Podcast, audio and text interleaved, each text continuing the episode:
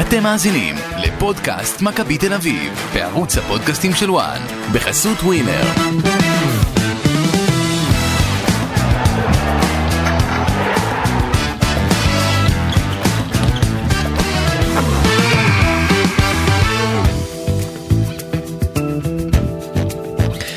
פודקאסט מכבי תל אביב לסיכום ה-3-0 על מכבי נתניה והחזרה של הצהובים לפסגת טבלת ליגת העל אחרי אה, משחק אה, נוסף באיצטדיון אה, בלומפילד. עוד הופעה טובה אפשר להגיד במגרש הביתי, בניגוד למשחקי החוץ, שם מכבי תל אביב פחות מצליחה העונה, וזה גם קורה לקראת משחק חוץ מאוד מאוד קשה בטרנר נגד הפועל באר שבע, אבל על זה נדבר בהמשך. 3-0, הפרש שערים של 25 שערים אל מול 3 ספיגות בלבד. פתיחה אה, באמת אה, מספרית לפחות, אה, חריגה לעונה הזו, וגם במשחק אתמול אפשר היה לראות את האיכות ההתקפית שיש למכבי תל אביב ואת את רמת הביצוע שהיא יכולה להביא כשההתקפות שלה באמת זורמות כמו שהיא רוצה. באמת כל גול היה יותר יפה מהשני, או לפחות אה, יפה כמו אה, קודמו. באמת היה משחק אה, עם הופעה כללית טובה, אבל על זה נדבר תכף. רק נגיד קודם שלום לאורן קדוש. מה שלומך רז? בסדר, כי הרבה שואלים אותי אם אורן יהיה, אורן לא יהיה, הם עדיין בטראומה. מה... לא, לא, אני פה. מהפרק שלא היית, אז... אני איתך. כן, אורן פה. לפני שאני אפנה לך אורן לסיכום המשחק, כי היום אני רוצה שזה באמת יהיה לגמרי אתה אפילו כמעט סולו, 80% עליך בסיכום המשחק. Okay. אוקיי. אני רוצה להתחיל עם משהו מעצמי, אה, בעקבות מה שראיתי אתמול. אז אה, כמו בכל משחק, אני נוהג להגיע לפחות שעה וחצי לפני, גם עניינים של פקקים וגם יותר נוח מבחינת הנוחות האישית אה, שלי.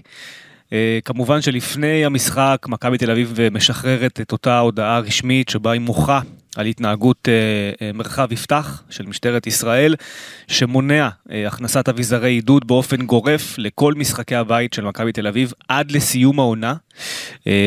מעבר לכך, מכבי תל אביב מוחה על כך שאין הידברות בין הצדדים. המשטרה מסרבת להיפגש ולשמוע את הטענות של מכבי תל אביב וגם את ההצעות שלה לפתרון אותה בעיה שנוצרה בעקבות הדרבי.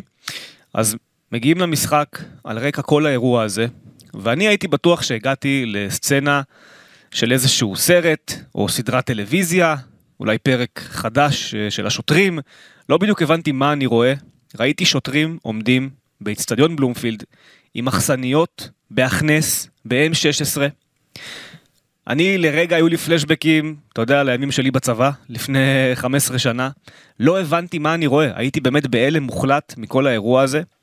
אה, ניסיתי להבין מה פשר הסיפור, אני, אני באמת לא יודע אם היה שם כדורים בתוך המחסניות, אני נוטה להאמין שלא, ושזה היה נטו אה, למען הפוזה, נטו כדי להפחיד ולהרתיע, ועדיין אני באמת לא מצליח להבין את דפוס המחשבה, את מה גורם להם לחשוב שטח צבאי סגור.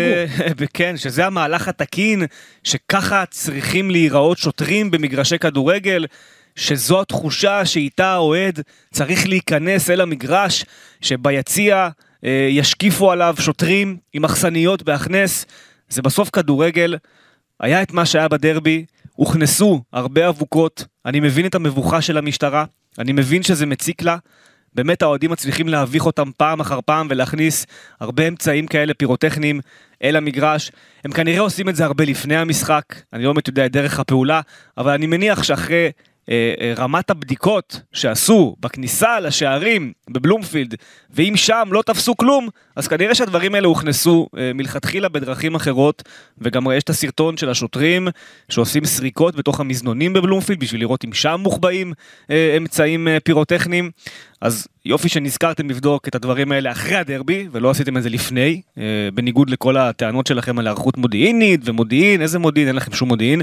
והדבר ההתנהגותי הזה, באמת, לבוא עם מחסניות בהכנס, כל המשחקי גן ילדים האלה של אתם שמתם אבוקות, אוקיי, אז עכשיו אין לכם במה לעידוד, ולא נכניס לכם תוף. מה, מה זה קשור זה לזה? עכשיו, גם המשטרה יודעת בעצמה שהיא בדקה את הציוד עידוד של מכבי תל אביב לפני המשחק. היא בדקה אותו בעצמה, ולא היו שם אבוקות.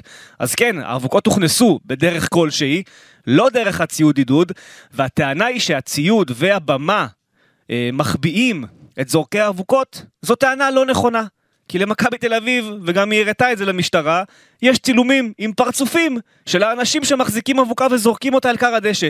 זאת אומרת, גם אפשר להגיע לאותם אנשים. אבל הרבה יותר נוח לשחק פה משחקים של פיפי קקה, וזה באמת מביך, וכל הלהלך אימים על קהל עם אכסניות בהכנס, והסרטונים מהמשחק של הפועל אביב בכדורסל, שמושכים שם אנשים שמצלמים את האירוע וזורקים אותם על הרצפה, כאילו זה, לא יודע, אין לי אפילו מילה שיכולה לתאר איך, איך, זה, איך זה נראה. בכלל, כל העונש הקולקטיבי הזה, די, מספיק. וזה עוד לפני העונש הקולקטיבי, עוד לפני הענישה הקולקטיבית. זה שזה, לפגוע בקהל, שזה, כל, זה שזה כן. לא קיים, זה לפגוע בכל הקהל, בכל, אתה יודע, בכל הדבר הזה. יש לך בתי דין של ההתאחדות שמשיתים ענישה קולקטיבית בלי שום מידתיות, בלי שום אה, להסתכל על תקדימים שהם בעצמם אה, יצרו. יש לך משטרה, וזה מרחב יפתח בלבד, שמכיל עליך איסורים שלא חלים באזורים אחרים. במשטרת חיפה וגם בבאר שבע הבינו שהדרך להילחם באבוקות זה לא לסגור להם את היציאה. או, או זה לא לאסור עליהם לעודד. זה לא מה שימנע את הכנסת האבוקות, צריך לעבוד בצורה אחרת. אבל הכי נוח זה לבוא ישר עם המקל, ולהכות כמה שיותר, ואז גם להלך אימים על 25 אלף צופים שהגיעו אתמול למגרש כדורגל, והיו צריכים לעבור כשהם רואים בכל פינה שוטר עם מחסנית בתוך M16. חבר'ה, זה כדורגל, וההתנהלות שלכם היא הזויה, ותתבגרו. באמת, תתבגרו, זה באמת אני גועל מקווה אבל נפש. שהם מקשיבים לך, כמו הקהל של מכבי אני, תל אביב. אני. מאמין שמישהו יחתוך להם את הקטע אם הם אה, לא מקשיבים, ואני חייב להגיד לך שהדבר הזה צריך חייב לעבור טיפול הרבה יותר מעמיק, גם נכון. אה, מהצד שלנו כתקשורת. לא יכול להיות ששוטרים, או משטרה, או מרחב אה, ספציפי במשטרה, יעשה את מה שהוא עשה אתמול. באמת לא יכול להיות. וזה, זה, אני, שוב, להגיע למגרש כדורגל עם מחסניות בהכנס, אני אומר לך, כאחד שגם חווה כמה דברים אה, בשירות הצבאי, זה נתן לי פלשבקים נוראיים, וזה זה מגעיל אותי. והלוואי ויבוא מישהו ויסביר את הסיבה ההגיונית למה הם עשו את זה, אבל אין להם סיבה הגיונית, לא כי הם. מתעסקים, לא, הם לא תהיה, לא מתנהגים תהיה. כמו ילדים קטנים, ומשטרה זה גוף שנמצא תחת פיקוח. ואני קורא מפה גם למכבי תל אביב, קחו אותה לבית משפט. תעתרו למי שצריך, קחו את זה לאן שצריך, לממשלה, לכנסת, לא יודע למי. קחו את זה הלאה. זה לא יכול להימשך, וכל האנשים שמתריעים על אסון, אסון בדרך, אסון שיגיע, האסון הולך להגיע ממקומות אחרים לגמרי, לא מאבוקה. ככה זה מרגיש לפחות. אתמול זו הייתה התנהלות כאילו אה, זירת פיגוע. שוטרים פרוסים לך במין היערכות של תכף יקרה פה איזה פיגוע, אתה יודע, חבלני. זה הזיה, וזה זה מקומם, וזה לא יכול להימשך, ואני מקווה מאוד ש, שמכאן, אתה יודע, הדברים יגיעו למי שהם צריכים להגיע, בטח במכבי תל אביב. צאו ותיאבקו בדבר הזה. אתם בסוף הגב של הקהל שלכם. אתם גם צריכים להיות שם בשביל אה, אה, לנקות את זה, ואני מאמין שיש למכבי תל אביב עם, עם הכלים, עם, ה, עם הכסף של מיץ' גולדהר, את היכולת למצוא את האנשים שיעשו את, את הפעולות האלה. בין אם זה בתוך המועדון, או בין אם זה להביא אנשים מבחוץ. שילכו ו- ו- ויילחמו במה שקרה אתמול, ובכלל, מה שקורה במשחקי הקבוצה, כאשר יש איזושהי זריקת אבוקות או משהו כזה, תמיד יש מעין נקמה כזאת. לא צריך לנקום בקהל. תפסו אותם, זרקו אותם לאן שצריך לזרוק אותם, תביאו אותם בפני שופט. אתה לא נוקם ב-25 אלף צופים. מסכים. זה לא גן ילדים פה. נכון? זהו, אה, סיכום, המשחק. לא, אני, שוב, עכשיו ה- זהו. הסצנה של המחסנית בהכנס, אה, לראות את זה, אני- כל כך אני- הרבה שוטרים. זה נורא, זה פשוט נורא. אני איתך, אני גם, דרך אגב, בדרך כבר עוד ראיתי, אני חזרתי אחורה. נכון, אתה עוד חזרת אחורה, אבל אה, מי שלא חזר אחורה והיה צריך לראות את זה, זה פשוט, זה מביך מאוד וזה בושה. ואני גם קורא לכל אותם אנשי תקשורת שמדברים בתוכניות טלוויזיה ותוכניות רדיו כאלה ואחרות, לפעול ביד חזקה ומגבים את ההתנהגות המשטרתית. גם אתם תעצרו רגע, אתם מכשירים פה, אתם מכשירים פה שרץ, שאסור להכשיר אותו. מה שקורה פה לא יכול להיות, זה לא תקין. אה, יאללה, משחק כדורגל. 3-0, אני משאיר את הבמה לך. נהנית? היה לי בסדר, כן, מה זה נהניתי? הייתי מאוד אה, מושפע מה, מהדבר הזה. אבל אחר כך. זהו, התחיל כדורגל וזה קצת נהנית. התחיל כדורגל, אני חושב שהיה משחק טוב, כן. אז אה, קודם כל כן, היה משחק טוב, היה משחק טוב למכבי תל אביב. אתה יודע מה, אני אפילו אומר, היה להם משחק טוב דווקא אחרי הגול הראשון, מהדקה ה-15 ואילך. כי מכבי תל אביב לקחה הימור, היא לחצה ב-15 דקות הראשונות, היא סוג של לחצה, אתה יודע, אולי מהסחף של הקהל, כי אלו לא היו ההוראות של איביץ' וגם בדקנו את זה. כי הקבוצה ממש לחצה גבוה, שלא עושים את זה נגד קבוצה שמשחקת ישיר בכוח. הרי כן, נתניה לא קבוצה... רק אני אדגיש את הדבר הזה, אה, בדקנו את זה אחרי המשחק עם מי שצריך לבדוק, איביץ' לא ביקש מהם ללחוץ, להפך, כן, אני, אגיד איך זה קרה. הוא. ביקש מהם לא ללחוץ. נכון. זאת אומרת, הוא היה תוכנית משחק ופתאום הם הלכו ככה לאיבוד, אולי... אז אמרתי, יכול להיות סחף ודקות כן. ראשונות ואתה רוצה את המשחק אצלך. הקהל משפיע, נכון. נכון, אז אני, אני עוד יכול להבין, יכול להבין, אתה יודע, לפעמים שחקנים, אתה יודע, עם אמוציות משלהם, עד הדקה ה-15 מכבי לחצה גבוה, זה סוג של סיכון, בטח נגד קבוצה שמחפשת את העומק, וגם לכן בהתחלה נתניה עוד הייתה קצת מסוכנת, אבל ניצחת בכל המאבקי האוויר. עכשיו יש עניין ש... שמה אתה עושה עם הכדור ומה אתה עושה בלי הכדור. עם הכדור זה כמובן פעולות התקפיות, מה שעשית עם הכדור היה נפלא מהרגע הראשון, אתה יודע, ועד סוף המשחק. כשהם לחצו אותך גבוה, איך שהרווחת את הכדור, מיד שיחקת לעומק. כי מה קורה? הרי הם נותנים את הכדור ארוך, מה הפעולה השנייה שמכבי נתניה עושה? היא יוצאת קדימה, היא מוציאה קדימה את השחקנים שלה. ברגע שאתה הרווחת בעיקר בזכותו של לוקאסן, שהיה מצוין אתמול במאבקי האוויר, גם יש לו נתונים אדירים שאנחנו נדבר עליהם, כל כדור שמכבי תל אביב הרוויחה, מיד יצא עומק מצד שני. עכשיו, אתה הוצאת בחזרה את העומק, הם כבר בינתיים יוצאים קדימה, אתה מוצא אותם חשופים מאחור. אז מבחינה התקפית היית מצוין, גם אני אגיע לשער הראשון, איך שזה קרה.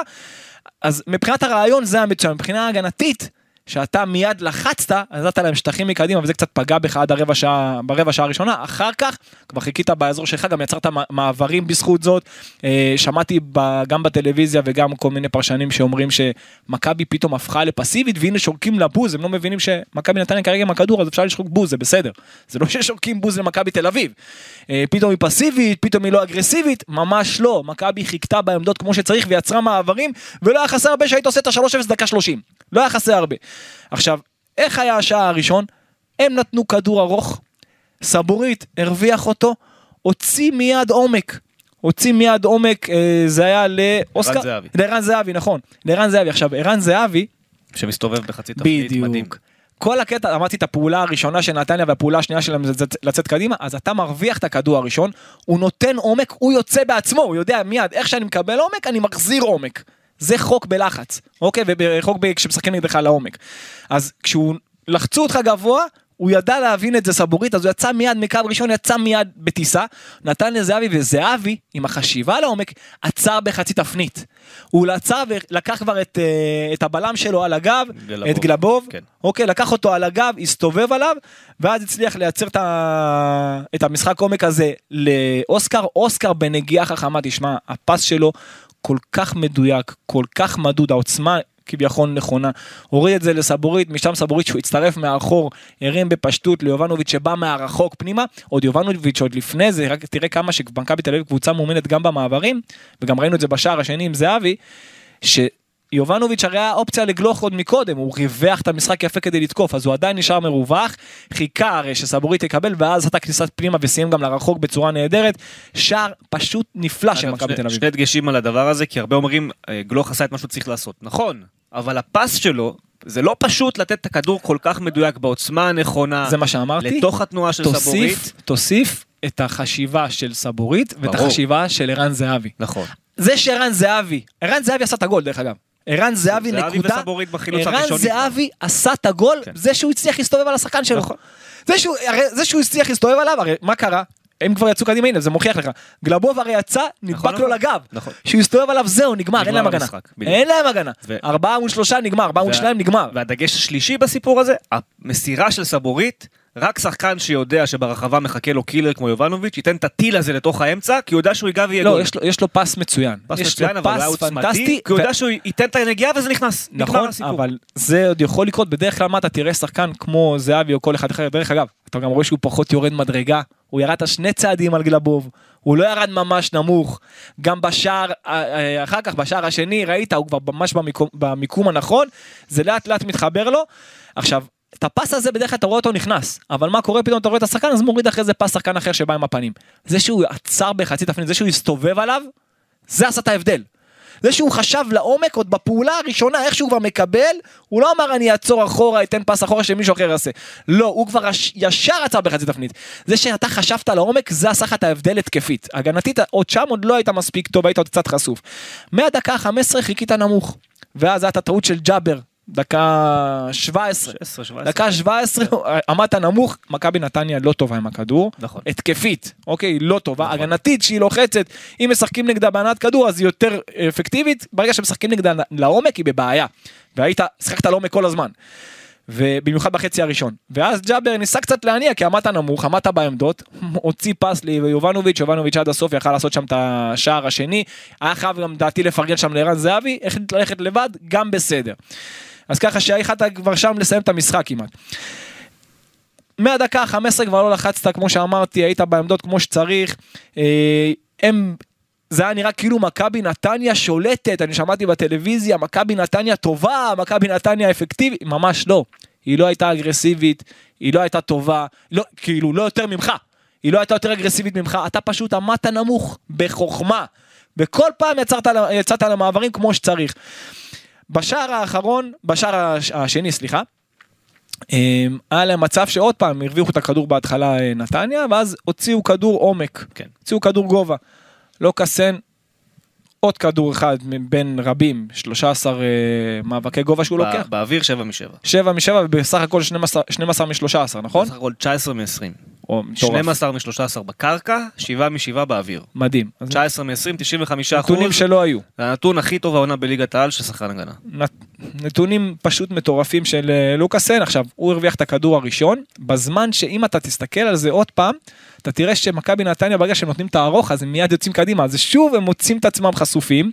מכבי תל אביב מיד משחקת לעומק זה מגיע ישר לאוסקר ואוסקר גם עוצר מיד קדימה כמו שערן זהבי עשה בפעולה הראשונה בשער הראשון ואוסקר מכניס עם השמאלית שלו נכון.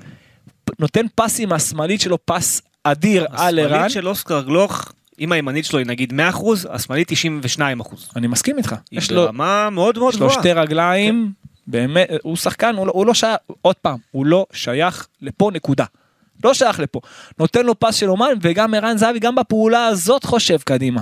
מיד חושב קדימה, וגם, לא רק שהוא חושב קדימה, הוא היה דרך אגב סוג של באותו קו כמעט עם אוסקר, וערן זהבי עשה את התנועה לרחוק, זאת אומרת הוא מרווח את המשחק, אתה, אתה, אתה חייב לראות את זה שוב.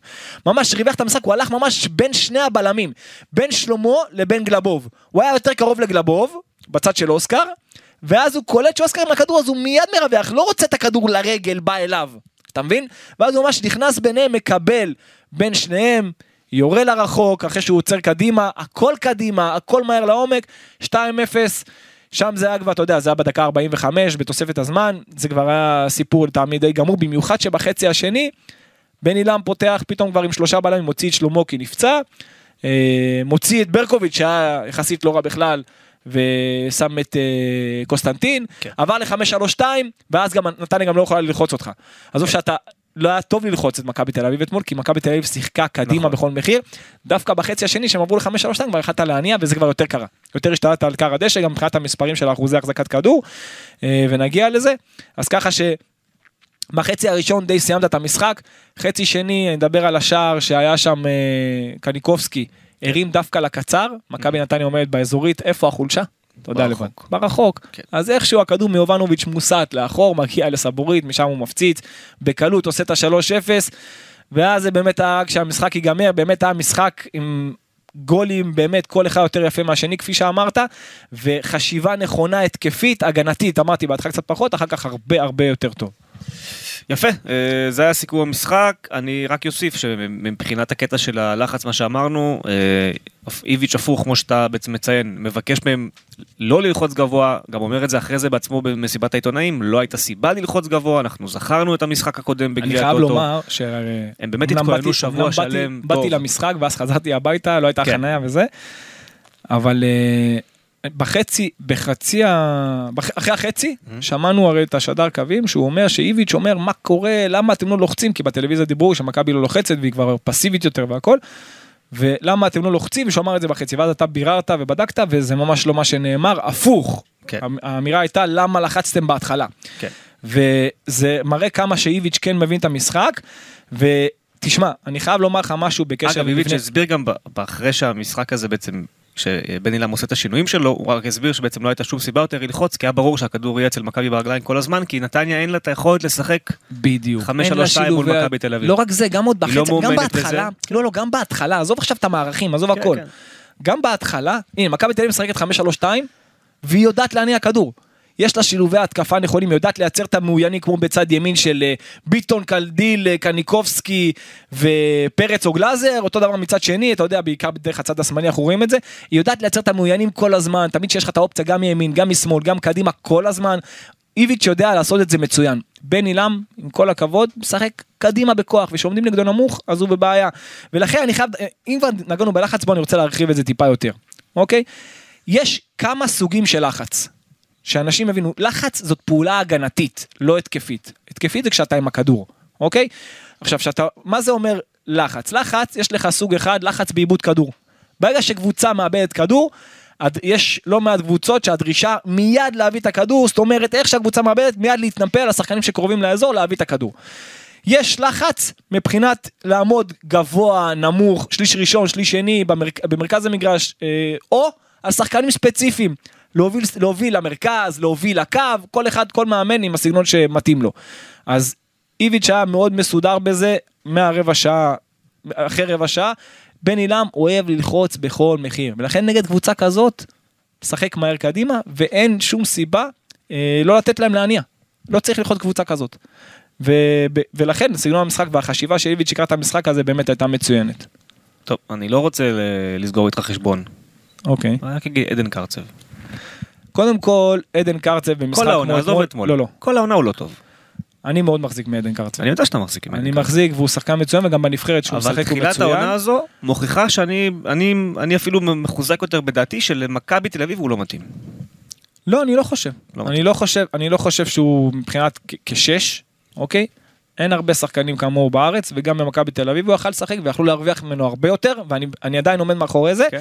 כן, אני עומד חד אנחנו משמעית. בקבוצה שהיא. חכמה יותר, אוקיי. היה לו יותר קל להניע. אני לא חושב שהוא מספיק לא, מתאים לא, הוא- לקבוצה חכמה יותר. הוא, הוא כן, כי כן? באינסטינקטים שלו, באינסטינקטים שלו, שוב, זה לא שעכשיו הוא צריך להיות פרופסור, אנחנו ראינו נכון. שחקנים שבמגרש הם פשוט גאונים, צריך להבין את המשחק. בחוץ יכול להיות פחות, אנחנו לא ישבנו עם אוסקר, עם אוסקר לדוגמה אחד על אחד, והגענו על- לתובנות לא, מהחיים, המשחק, אבל ברור, במשחק נכון. הוא אדיר, הוא הכי חכם שיש, נכון. אוקיי, אז סתם דוגמה, ולכן, כשאני רואה את קרצב, הוא באמת שחקן מצוין, ולמכבי תל אביב אני לא חושב שהיה יכול להיות לחס... אה, הוא לא- הוא לא היה מפריע לה כעוד שש בקבוצה. הוא לא היה מפריע זה בטוח, אבל הוא רצה לשחק במכבי הוא לא משחק העונה הרבה.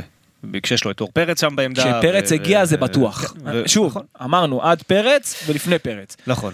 אז אה, זה משהו אחר. בסדר, ו- אני חושב גם ש... שוב, מבחינת קרצב הוא הוא שחקן בית של מכבי תל אביב, ושוב, זה חבל ש- שזה מצבו כרגע, אני... אני... לדעתי הוא מאוד מושפע ממה שקרה בקיץ, מזה שהמעבר ל- לדינמו מוסקבה לא אה, יצא אני לפועל, חושב שזה קצת יותר מורכב. וזה שהוא היה צריך אני- לחזור, אנחנו לא- לא ב- וגם נתניה כבר לא... זהו, אנחנו לא בפודקאסט נתניה, וזה לא כן. העניין פה, אבל אני חושב שכל הקבוצות, וראינו את זה, אתה זוכר בעונה קודמת, שאמרנו איך מכבי תל אביב צריכה לשחק, לפני המשחק, כמו שאנחנו מדברים מה עכשיו, שקסטייץ' עשה בסמי בדיוק, עופר אותו דבר, ברדיוס. אותו דבר מכבי נכון, עשתה אתמול נכון. חוץ, אחרי רבע שעה, ובאמת שאתה מבין שקבוצה שבאה בחוכמה נגד נתניה, כולם לוקחת נקודות, יש כולם- לה רק תוצאות תיקו. בדיוק, כולן, כולן לוקחות נקודות. כן. ראית את הפועל תל אביב עושה זאת עם רפואה כמה פעמים, ראית, קבוצות לוקחות נקודות נגד נתניה, כי הבינו. הבינו, הבינו איך לשחק נגדם. פשוט הבינו איך לשחק נגדם. נגד קבוצה כזאת שהיא מאוד מאוד מאוד צפויה במשחק שלה, זה, זה אפשרי. אגב, צי- צייצתי על זה בטוויטר, אבל ליבי עם אייל סגל, שצריך עכשיו לחשוב אם הוא מחליף מאמן, ואין אין לו מי להביא. בוא, אין לו מאמנים. אין. באמת שאין מי להביא. אתה יכול לנסות להחזיר את בלבול מהודו. זה אולי זה מה המהלך, שהוא יעשה. זה אולי המהלך היחיד שיש לו בשרוול, אבל זה מה שהוא יכול זהו. לעשות. הח- הבא בתור אחרי אייל סגל, אין לו כבר מהלך נוסף בשרוול. זה לחזור לקובי רפואה, זה לחזור למאמנים שאתה רואה, ש... לקלינגר, שאתה רואה שלא מצליחים, שזה לא נדבק, כי זה כבר... הבנו, זה לא, זה לא על כדורגל. בלבול. שילך על הוא בלבול. יכול ללכת על בלבול, אני אומר, הוא לא הולך לו אם בעוד. הוא לא ילך על בלבול, אז הבא אחריו אין לו מה להביא. אז אני אומר, שילך על בלבול. הגיע הזמן לתת- במה לחבר'ה הצעירים יותר, ולנסות להמציא מאמנים חדשים. אתה יודע, תמיד... תמיד כן. אומרים, אה, תמיד אומרים, מה, אבל אין לנו ניסיון. איך לבן אדם יהיה לא ניסיון? נותנים ניסיון לאף אחד.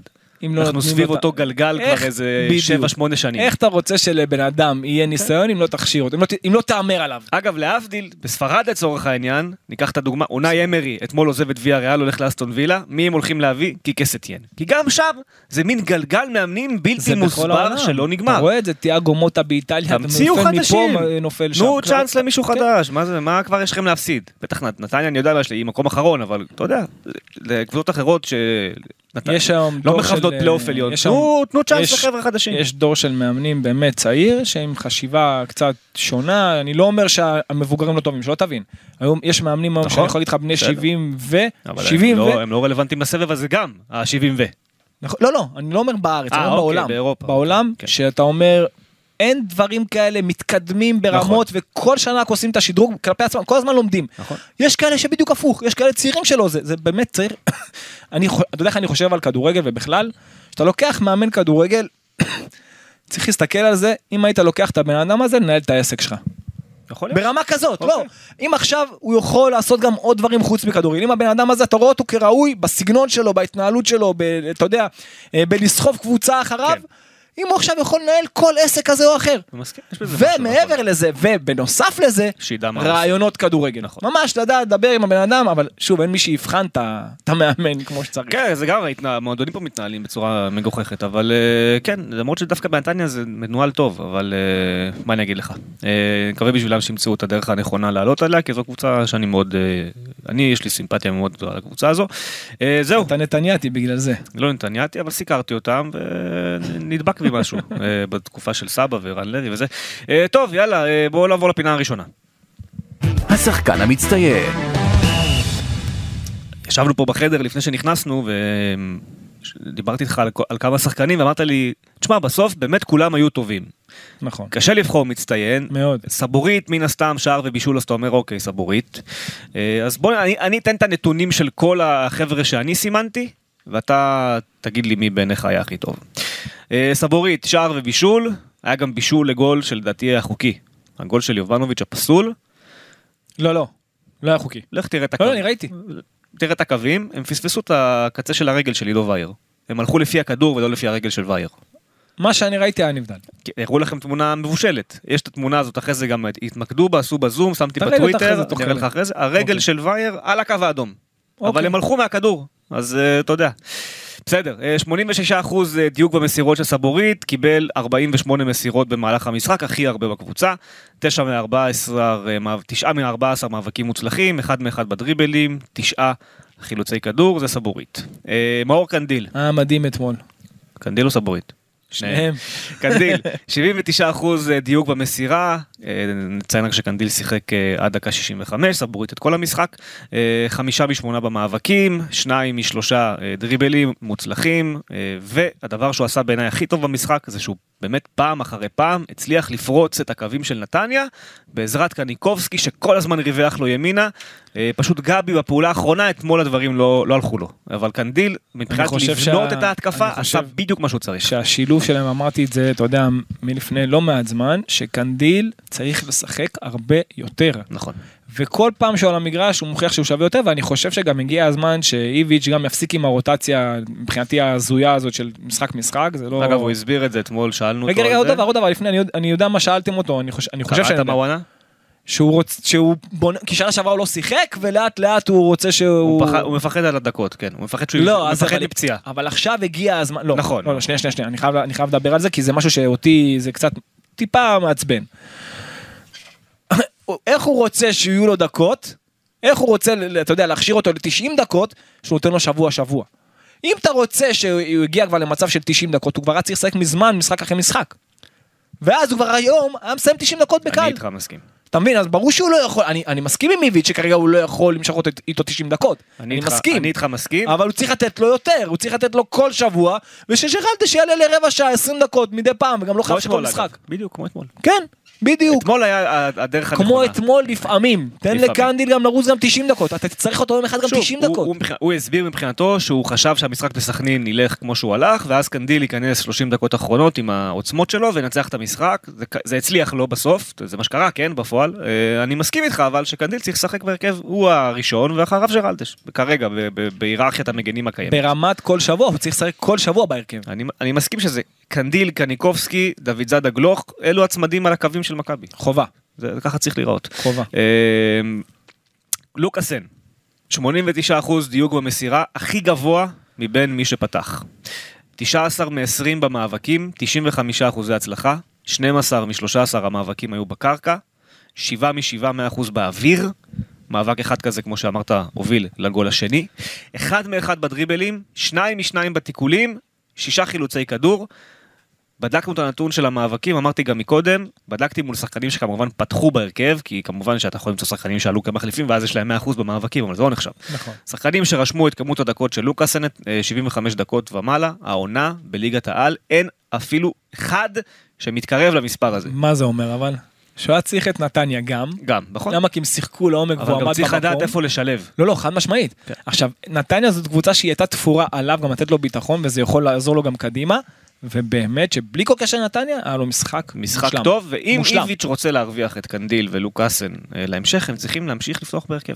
נכון. פשוט. שוב, אני יכול להבין שדברים, אתה יודע, לוקח להם זמן, זה בסדר, נכון. אבל, אתה, אבל אתה לא יכול לתת לבן אדם, אוקיי, החלטת שאתה הולך עליו, לתת לו, לשים אותו בספסל. לתת לו, נכון. לשים אותו בספסל. הפוך, תן, תן לו לרוץ. אז אוקיי, נתת לו עכשיו רבע שעה, תן לו אחרי זה מחצית, תן לו אחרי זה 60 דקות, אחרי זה אגב, שירוץ גם 90 מבחינת דקות. הבנייה של המערך הזה של שלושה בלמים, כשיש לך שניים בצדדים שמניעים כדור ברמה מאוד גבוהה ומנהלים את המשחק, אתה צריך שהאמצעי שלך יהיה האתלט שתוקף את הכדורים גבוה, זהו. שיודע לחזור אחורה לקבל בגב שלו את הכדור, ולוקאסן הוא עושה את זה, אני לא יש- יכול, יש, אני לא עושה את יש זה. שתי גישות. יש כן. גישה אחת שהאמצעי הוא הגאון כדורגל, אוקיי? שזה לא קורה במכבי. לא, זה לא במכבי. יש גישה אחת של זה, והשניים שלידו נכון. צריכים להיות גם טובים עם הכדור, אבל הם צריכים להיות גם ברמה פיזית מצוינים. במקרה של מכבי תל אביב, אני, המודל השניים- שלי, השניים- המוצלח, זה גספריני. אצל גספריני זה מה שהיה קורה. האמצעי הוא היותר אתלט, מחפש, סוגר חורים, שוב, זה, זה הכל תלוי. זה הכל תלוי מה יש לך, כי נגיד, נכון. לדוגמה ביובנטוס, אז בונוצ'י היה אמצעי והוא היה כמו ליברו, היה אדיר, נכון. והיה את קיאליני ותקופה ברזלי או שחקן אחר או דנילו, ואז זה היה נראה טוב, אתה מבין? כן. זה תלוי באמת מה יש לך במכבי תל אביב, שאתה יוזם, במכבי יש את המניעי כדור שאתה. יוזם כל הזמן, אז חד משמעית, זה כמו שאתה אומר, צריך להיות אה, ביטון, סבורית, ובאמצע איך שנראה לוקאסן,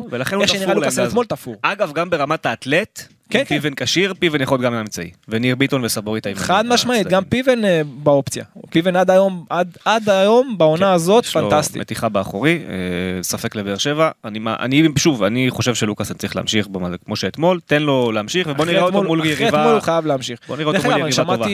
ראיתי בטלוויזיה שאמרו שכבר בדקה ה-20 הוא התלונן על סחרחורות, רצה לצאת, לא לצאת. יכול להיות, אה, זה מה שהיה. היה איזה סימון כלשהו, אבל אה, ניער את זה. מעצמו. המשיך. אה, אוסקר. הרבה זמן הוא לא נגח. כן. אתה יודע, לנגוח כל כדור גם בהצלחה זה לא פשוט. נכון. אה, אתה יודע מה גם אהבתי? שהוא נוגח עם- מחשבה. הוא לא סתם נגח את הכדור, הוא נגח עם מחשבה.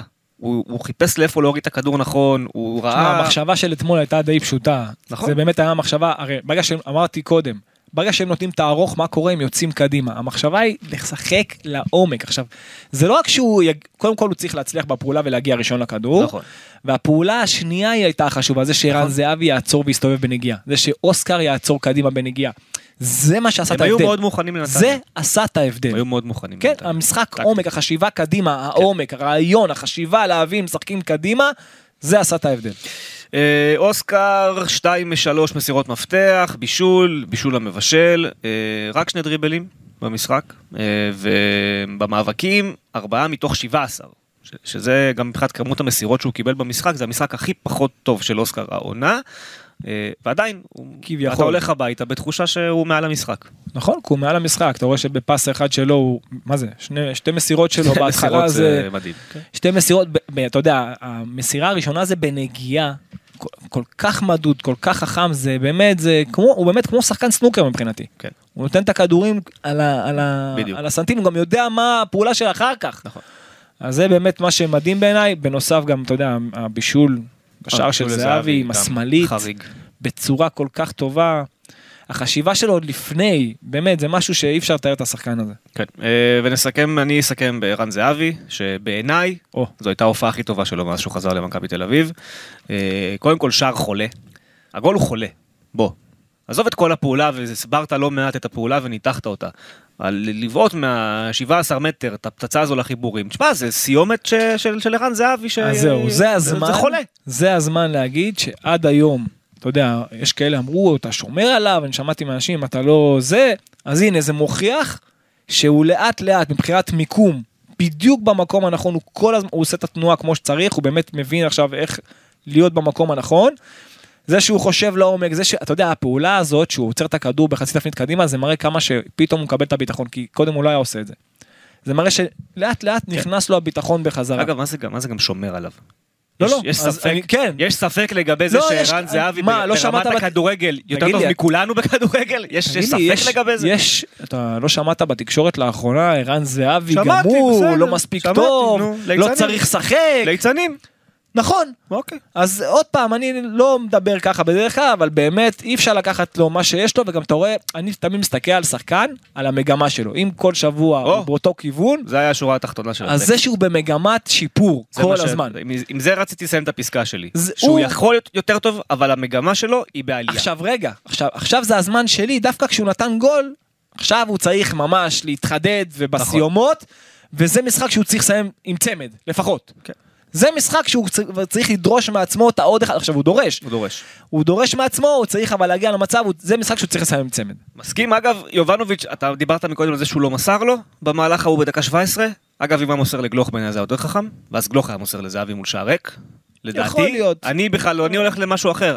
אז המצב של דוד זאדה, דקה 30, שגם את זה אוסקר בונה, דוד זאדה ברחבה, הוא נכון. כיף אותו, נכון, נכון. הוא הוציא את הכדור לזהבי, נכון. ויובנוביץ' קלקל את ה... לקח לו, ואגב, לא, אבל גם היה עוד מצב, בסוף, בדקה ה-90, שגולסה יצר לזהבי, וגם לא, שם זהבי. נכון, עכשיו נכון. פה זהבי מצפה ממנו, תעצור את הכדור. תן לשוער לקפוץ, תן לו קטנה נכון. רחוק, הכל טוב, לא חייב למהר. אני לא מסכים, חייב. אני מסכים. אה, אבל שוב, בשורה התחתונה, הוא במגמת שיפור, וזו הייתה ההופעה הכי טובה שלו מאז שהוא חזר. אה, אני, רגע, אני חייב להגיד משהו לכל שחקן. התקפה. רגע, רגע, משהו לכל שחקן אני אסיים את התקפה. הנתונים ותוסיף. שניים משניים בדריבלים, ו-50% במאבקי קרקע, 80% דיוק במסירה. הדבר שערן זהבי הוסיף לעצמו בחו"ל שלא היה לפני, זה החצאי תפנית האלה שהוא עושה, והיכולת שלו לשחרר במסירה אחת קדימה את המשחק, לא קרה לפני, הוא עושה את זה בצורה אדירה. כן, דיברנו על זה, תמשיך. זה גם עניין של ביטחון, גם עניין של הבנת משחק, גם עניין של הבנת היריבה. היה פה הכל. ותשמע, באמת, משחק מצוין של כל הקבוצה, ואני חייב להגיד משהו לכל שחקן התקפה. ושחקני הגנה יודעים את זה. כשאתה שחקן הגנה ותוקפים אותך בשליש שלך, ברחבה שלך, באזור שלך, דווקא אתה, אתה יודע, אתה שומר, אתה, אתה לא רוצה לעשות טעויות. דווקא שם שחקן התקפה צריך להרגיש בנוח. שם שחקן התקפה צריך לדעת, פה אני לא צריך למהר מדי. כן, אם אנחנו מייצרים מעבר, ברור שצריך לשחק מהר. אבל אם עכשיו, אתה יודע, אתה בשליטה, אתה מרגיש טוב, שם השחקן הגנה שמולך צריך להיות, הוא, הוא המבואה, לא אתה. תרגיש בנוח, תעשה את העוד פעולה, תעשה את העוד הטיה, תעשה את העוד פס. שם צריך להרגיש בנוח, וזה אמרת גספרין מקודם, וזה גספריני הכי אדיר. נכון. אה, פינה ולייצר הבאה. מהשחקנים שלו כביכול. כן, פינה הבאה. בין השורות. בין השורות אה, אני מתמקד אה, באיביץ' הפעם, אה, בסיפור של הכנפיים. שאלתי אותו אחרי המשחק, הרי בסוף המשחק נוצרה סיטואציה שבה הוא רצה להחזיר לעניינים גם את גולסה וגם את ג'רלדש וגם את ונוברם, והכניס קשרים, קשר אחרי קשר אחרי קשר אחרי קשר. ופרפה גם. ואז נוצר מצב שביטון, דור פרץ וסבורית זו החוליית הגנה. אז שאלתי אותו למה במצב כזה שיש לו, הרי תמיד למכבי יש אחד מהבלמים שהוא גם קשר. בין אם זה ייני, בין אם זה ניר ביטון, אוקיי. שאלתי אותו למה הוא לא חושב אפילו תוך כדי משחק ל- לרגעים, לנקודות, שחק 4-4-2 יעלום. שאחד מהם יעלה קדימה ותעשה יהלום. כן, כן. כן. שאלתי נכון. אותו את זה. נו, מה הוא ענה? אה, תשובתו הייתה שהוא כרגע שולל מעבר לקו 4, הוא לא רוצה לשחק יהלום. אה, ואומר אם אני אשחק ארבעה בהגנה זה יהיה ב-4-3-3, אבל אני צריך לשם שחקן כנף. הבאנו אחד כזה, יונתן כהן, הוא עוד לא מוכן. ואז אומר, אני יודע שהרבה שואלים אותי למה אני לא שם בכנפיים את פרפה או דן ביטון. אז הוא אומר, הם לא ווינגרים, ניסיתי אותם כווינגרים בתחילת העונה. אגב, המשחק הראשון נגד נתניה בפתיחת העונה, ככה הם שיחקו. פרפה היה ווינגר שמאל, דן ביטון ווינגר ימין, זה היה נורא. אה, כי שניהם מה? שחקני 10? יפה, אז- אז זה מה שהוא אומר. אז אבל הוא אומר, הם שחקני עוצמות אפשר עשר. ללמד את אה, גויגון אני חושב. אז הוא אומר, אני לא חושב שיש להם את התכונות לשחקני כנף כמו שאני רואה שחקן כנף, אז בראיית אה, כדורגל שלי, והוא אומר, בסגל הקיים זה המערך שלי, בינואר אפשר יהיה לתקן את זה עם ווינגר. וכמובן יונתן כהן כש- כשיחזור לשחק. אז אני יכול להגיד לך כן. שאני יודע בוודאות שהוא כן מתרגל כבר 433, התחיל לא מזמן, נכון. מתרגל 433, הוא מאוד היה רוצה לשחק כך, הוא צריך אבל לדעת להבין שני דברים, גם שזה מאוד גמיש מבחינת ה-1 ו-2 או 2 ו-1 באמצע, לפני שאני מגיע לכנפיים. זאת אומרת, הרי אם הראייה שלו היא פרץ או גלאזר וקניקובסקי וגלוך, או לא משנה, או, קש, או קשר אחר, אתה יודע, בעמדה של 6, זה לא חייב, אתה יודע, בהתקפה אתה יכול, בחלק, בחצי היריבה אתה יכול לשחק עם 2 ו-1, ובחצי שלך אתה יכול לשחק עם 1 ו-2, זה דבר שמאוד, כי חשוב שאם זה עם חלוץ אחד, שאוסקר יהיה מאוד קרוב אליו. זה דבר שהוא יהיה חייב להבין.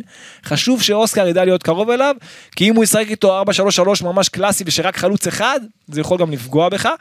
דבר שני, כן, אתה חד משמעית, אני כבר אומר את זה מאפריל שנה קודמת, אתה חייב להביא ווינגר אם לא שניים, אבל זה, שניים לא יקרה. אתה רואה, אתה רואה כמה, כמה שזה קשה, חייב להביא ווינגר אחד נוסף, אבל אני חושב שכן יכול לקרות מצב שפרפה יכול לשחק בכף שמאל, הוא יודע יותר טוב ממני חד משמעית. יכול להיות שהוא ישחק שם, אבל איביץ' לא אוהב רגע, את זה. רגע, למה הוא לא אוהב הוא לא את זה? שלם עם זה. למה הוא לא אוהב את זה? אני לא יודע למה. מה, אני, אני יודע בדיוק. אוקיי. מה הוא רוצה משחקני כנף ומחלוץ. עכשיו בחלוצים יש לו את זה. ובכנף אחד יהיה לו את זה מיונתן כהן. הוא רוצה אופציה כמו שדיברתי אז על ליברפול בתקופה שלה עם סאלח, מאנה ופירמינו, לא משנה מי, או ז'וטה, לא משנה מי, הוא רוצה אופציה לעומק. עכשיו, עזוב שרוב הקבוצות יעמדו נגדך נמוך ואתה תצטרך את הטכניקה, ושם גויגון יכול להיות טוב, אבל אתה חייב אופציה לעומק, מהשלישייה הקדמית. וכרגע הוא לא רואה, בטח לא את דן ביטון, ולא את גויגון, כשחקנים שיכולים לקבל את הכדור לעומק. אז בגלל זה הוא לא רואה את זה קורה איתם, כאילו קורה כרגע, אבל זה כן יכול לקרות, כי זה שחקן שלדעתי אפשר ללמד אותו, כי מבחינת עוצמות, יש לו את העוצמה. יש לו את העוצמות. אבל כמו שאתה אומר, אבל- הוא אבל- התחיל אבל זה לתרגל, לפני הכל- ומה שהוא רואה בתרגול, הוא לא אוהב את מה שהוא רואה בתרגולים. אני, אני יכול להבין אותו, כן. אני- אבל הוא, כי למה? כי עשר אוהב את הכדור לרגל בדרך כלל, ושזה גם, גם גויגון באופי שלו, אבל יש גם שחקנים שבבילט אין שלהם, יש להם את האופציה שהם רוצים לחשוב לקבל קדימה. אוקיי, אז זה דבר, או שזה, יש שחקנים שיכולים ללמוד את זה, יש כאלה שלא יכולים ללמוד את זה. באמת, אני אומר לך, יש שחקנים שהם לא יכולים ללמוד את זה, ואנשים חייבים להבין את זה, ולכן יכול להיות שהוא רואה משהו שאנחנו לא רואים, אבל אני חושב שמבחינת העוצמות, וכן איך שהוא מבין את המשחק ואיך שאפשר ללמד אותו, אולי אפשר כן לייצר מגויגון משהו כזה, אני לא בטוח, יכול להיות. זה מוביל אותי לנקודה האחרונה, כי בעיניי 4-3-3, אם היה לו מתורגל וטוב נגד באר שבע, זה היה המערך המושלם מול באר שבע. אין לו את זה.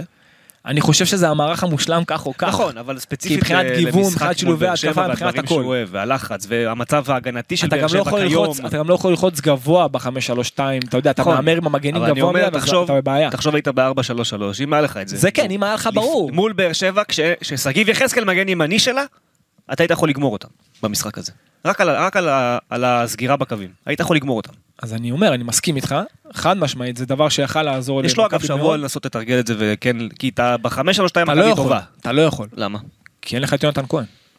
אתה לא יכול. אתה לא יכול נקודה. אתה לא יכול כרגע לשחק 4-3-3 כי אין לך? כנף אחד. לא, אתה לא יכול כרגע. אתה צריך לתת ל-11 הכי טובים, כן. נכון, לפתוח? זה. אתה לא יכול, אז, אז אז קניקובסקי, צריך- האפשרות, נכון. בהתקפה, בהתקפה הריווח הכי נכון זה קניקובסקי עם קנדיל, ואני מאוד אכעס באופן אישי, כן. אם אני אראה את ג'רלדש פותח במשחק הזה, אני- אומר לך הכי אמיתי איתך, שיש.